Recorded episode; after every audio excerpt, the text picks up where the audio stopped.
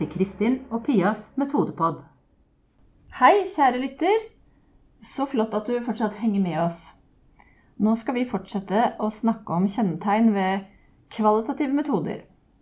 Og da, Kristin, lurer jeg på om du har tenkt litt på hvordan du kan beskrive nærhet til feltet ut ifra din doktorgradsstudie?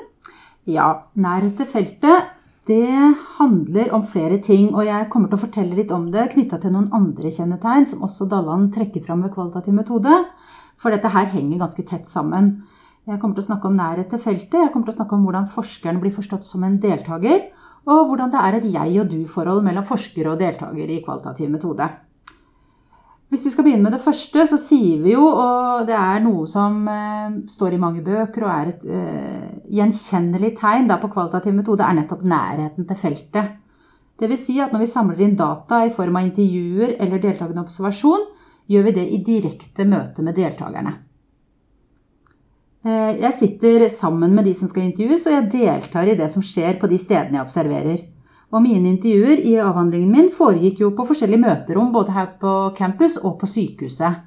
Så der møtte jeg studentene. Og når jeg var sammen med de i praksis, så var jeg jo på de avdelingene de hadde praksis. Så sånn er jeg nær til feltet og til deltakerne. Og det her blir jo annerledes enn om du sender ut et spørreskjema. Det skal jeg fortelle om i neste episode. Ja, det blir spennende. Men, uh, så det, det, det her er det med nærheten. Og når man har den nærheten, så er det jo veldig viktig for forskeren å reflektere over og beskrive hvordan forskeren sjøl påvirker. Fordi at da er det helt klart at når man sitter med et annet menneske rett overfor seg, sånn som vi gjør nå, så, så påvirker vi hverandre. Vi ser på hverandre, vi nikker, vi er, støtter det den andre sier, eller stiller spørsmålstegn. Så det er en interaksjon. Og i kvalitativ forskning så er en del av kvalitetskriteriet at man beskriver refleksjonene sine rundt en sånn type interaksjon. Mm. Så når jeg intervjua studentene, så måtte jeg hele tiden ha i tankene mine at deres svar ikke kunne forstås som nøytrale, objektive svar. Som man vil prøve å tilstrebe i et spørreskjema, f.eks. Eh, men at de satt og snakket til meg og forsto meg som en forsker, men også som en lærer fra en utdanning. Eh, og da må jeg i beskrivelsen av prosjektet mitt gjøre rede for de refleksjonene jeg har gjort knytta til den påvirkningen jeg kan ha på de jeg intervjuer.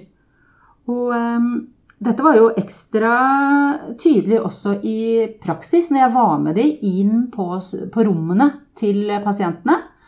Og, um, Hva skjedde for noe? Nei, det var jo sånn at En del eh, pasienter var jo såpass dårlige at dette her ikke var noe de orka å ta inn over seg på noen måte, og de gjorde det de pleide å gjøre. Mens andre liksom hvis det var noe de lurte på da, i stell eller noe sånt, ja ja, vi kan jo bare spørre læreren her borte. For da hadde de tenkt at jeg var lærer, selv om jeg var forsker. Mm.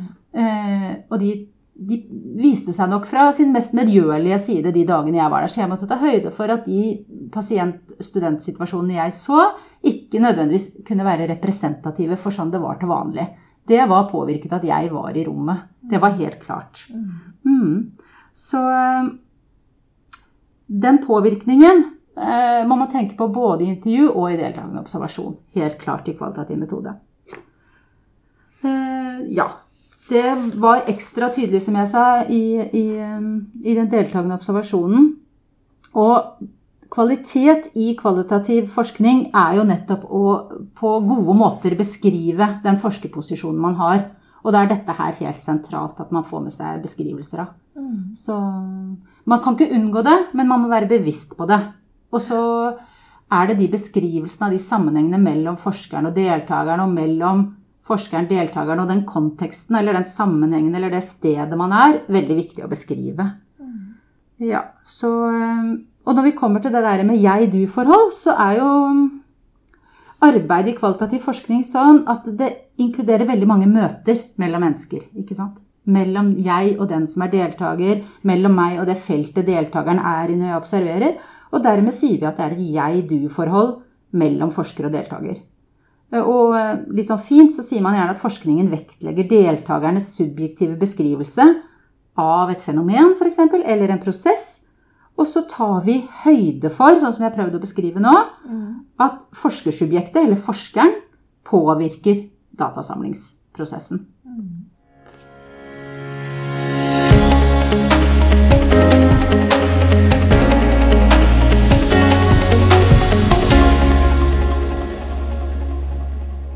Spennende å høre Kristin, om eh, hvor selvrefleksiv egentlig en kvalitativ forsker må være. Mm, det er jo et sentralt uh, Hvis vi skal snakke om forskjeller, da, Mm. altså, så er det jo veldig vektlagt rett og slett hvordan den selvrefleksiviteten kommer til uttrykk, og at den må komme til uttrykk på en eller annen måte i forskninga. Så det er veldig sentralt. Ja. Ja. Men uh, han har flere punkter, han Dallan, og de du skal snakke om nå, det er helhet og forståelse. Mm. Hva legger du i det? Ja, ut ifra min studie så tenker jeg altså Som jeg har nevnt, så handler jo kvalitativ forskning om å vektlegge det den enkelte informanten eller en gruppe informanter forstår, og hvordan de skaper mening i et fenomen eller en prosess. Og I min avhandling så forteller jo førsteårsstudentene om sitt møte med utdannelsen. Og hvordan forteller de om det, og hvordan skaper de relasjoner med pasientene de møter i praksis? Det er vårt hovedspørsmål. Eh, Og gjennom å lese hvert intervju nøye, men også å se på intervjuene under ett, så så jeg hvordan studentene brukte erfaringer for å skape mening og sammenheng i sykepleierutdanningen. Og så begynte jeg å se på hvordan de skapte Hvordan de rett og slett i det de fortalte, lagde sammenheng. Og jeg tenker sammenheng, helhet og forståelse, det er sånne ord som går litt i hverandre. Men jeg så etter de sammenhengene. Og da la jeg merke til at de koblet sammen erfaringer og begrep fra sykepleie gjennom fortellinger. Og fortellingene var med på å skape en helhet i deres erfaringer. Så det er en måte å jobbe på som gjør at man fokuserer mer på helheter i materialet enn de enkelte bitene, da. Um, og for å beskrive dette, det er jo et analytisk valg, hvordan man går inn i materialet sitt, så brukte jeg teorier som beskriver hvordan fortellinger nettopp er en måte på å skape sammenheng og mening. Og um, en av de kildene jeg brukte mye da, man velger jo gjerne noen som har skrevet en teori eller en analysemetode som passer. Og det gir forståelse til hvordan man møter materialet sitt, for å si det litt sånn filosofisk nesten. Men Gudbrand og Holstein, som jeg brukte, de sa nettopp det at eh, sammenheng er kjempeviktig. Og da har de et sånt quote som jeg liker veldig godt. da. Og da sier de No item of experience is meaningful in its own right. It's made meaningful in the way it's linked to other items. Her hører vi jo at én erfaringsbit er ikke meningsfull i seg selv. Det er måten man knytter det til andre erfaringsbiter som gjør det meningsfylt.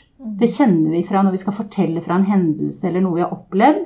Så tenker man at noen ting henger sammen i livene våre. Eh, Og fortelling handler jo om å sette disse bitene sammen. Og hvis vi trekker det litt over i kvalitativ metode, så handler det jo om å sette biter sammen der også.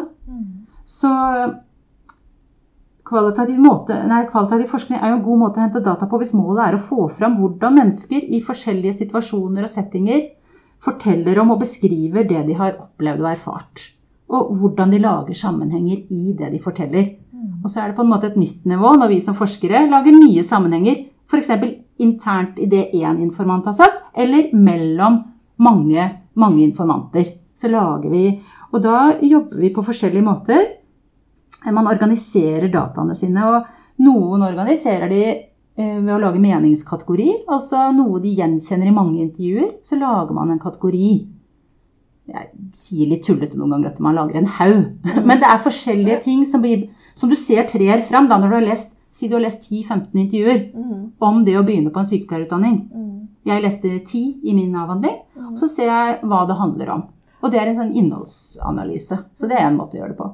Så helhet kan bety flere ting, tenker jeg. Eh, Og forståelse handler jo om å fortolke, som også er et eh, kjennetegn ved kvalitativ metode. Det er det jo i all forskning, men fortolkning i kvalitativ metode er eh, hva skal vi si, belagt eller eh, styrt av faktisk de kildene du bruker. F.eks. teori eller analysemetoder. Så fortolkningen blir eh, Den må du på en måte forankre et sted. Da. Det er også et kjennetegn med, med kvalitativ metode.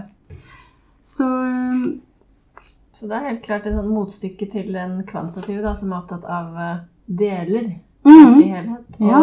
forklare og ikke forstå Ja. nødvendigvis. da.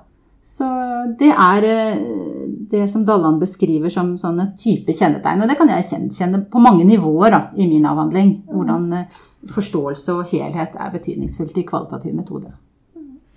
Takk for det, Kristin. Det var kjempeinteressant. Ja, flott.